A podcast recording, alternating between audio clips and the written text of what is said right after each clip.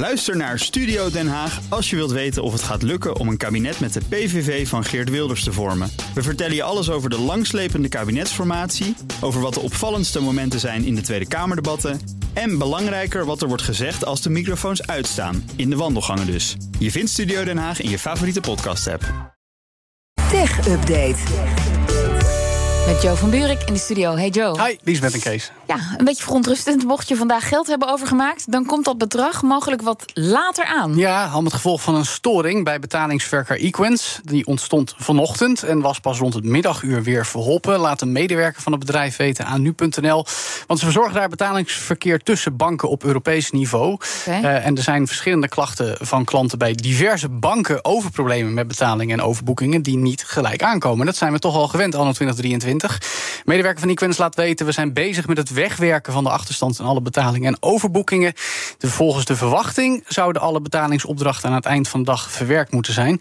Ik knijp hem wel een pietje, Liesbeth, want ik heb vanochtend een hele stapel rekeningen toch maar even betaald. Ja. Af, periodiek werk je ze weg. En ja, is toch fijn als die mensen gewoon vandaag nog hun geld ja. krijgen. Het is vervelend als je moet wachten op je maar geld. Jullie wel, weten hoe het is. Ik dacht wel, het is gelukkig niet de dag uh, waarop je je BTW moet aangeven. Nee, als het de 30ste van de maand was, dan. Uh, Precies, en ja. dat je dan lekker op het laatste moment doet. Dus ja, dat, uh, ik denk ja. wel dat, dat hier ook wel mensen van zijn, of, of bedrijven of ondernemers die zeggen: ja, ja, storing vandaag, daarom is de betaling later aangekomen en vanavond ja. nog even snel over. maar leg dat maar eens uit aan de politie als je toevallig nog een verkeersboete open had staan.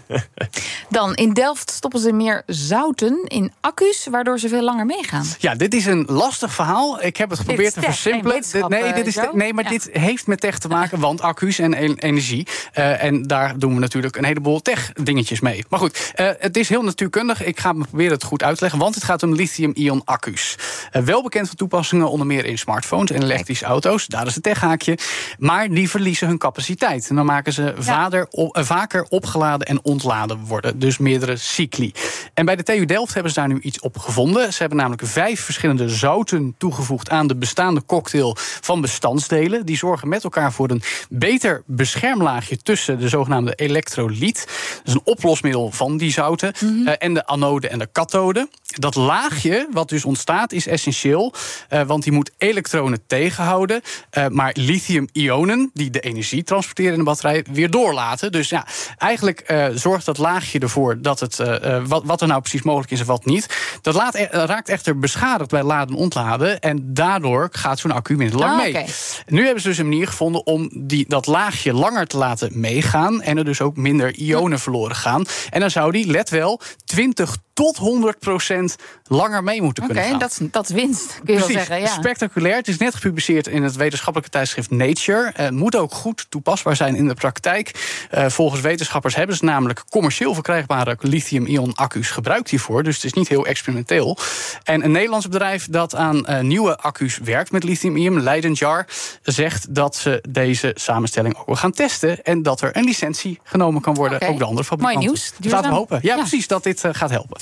En dan nog even dit. iPhones worden over het algemeen steeds duurder. Jazeker. Mhm. Maar nu is er een hele oude verkocht voor 60.000 euro. Daar moet wel iets bijzonders mee zijn. Zeker weten. En dat is ook nog eens een van de allereerste iPhones ooit gemaakt, uit 2007. Die Mhm. De is, eh, 1? ja, de iPhone 1. Nooit in? Nederland officieel geleverd, moet erbij gezegd. Alleen in de VS en sommige andere Europese landen, zoals Duitsland en Frankrijk. En hij is ook nooit gebruikt. iPhone 1, 8 gigabyte opslag.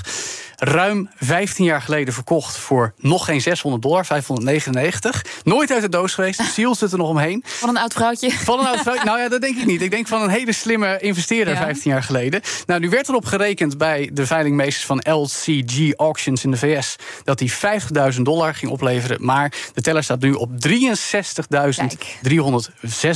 dollar. Dus meer, ja, bijna 60.000 euro omgerekend. En ja, het is toch wel een stukje historie. Want die werd in januari 2007 nog gepresenteerd door Steve Jobs himself. Kwam dus nooit in Nederland. Nee. En nu kun je hem dus toch hebben. Maar het is wel een verdomd dure iPhone, moet ik zeggen. Liesbeth, zoveel geld zou ik En- niet voor over En hebben. dan alleen om naar te kijken. Ja, dat ook nog. Ja, ik zou hem niet uit de ziel halen. Nee. Dan gaat die waarde heel gauw omlaag. Dus Deze is trouwens wel leuk, want vorig jaar is ook alles wat met Steve Jobs te maken heeft, eh, levert veel geld op. Hmm. Toen zijn zijn versleten sandalen Ja, geveild dat weet ik ook nog. voor 220.000 dollar. Dus je kan er nog iets slechters voor kopen. Ja, nou dan kun je niet. de- Hij heeft toch liever die iPhone? ja, die is niet gebruikt. Dus dan heb je daadwerkelijk een nieuw product. Nou, een nieuw oud product. Dus. Dankjewel, Joe van Buurik. De BNR Tech Update wordt mede mogelijk gemaakt door Lenklen. Lenklen. Betrokken expertise, gedreven resultaat.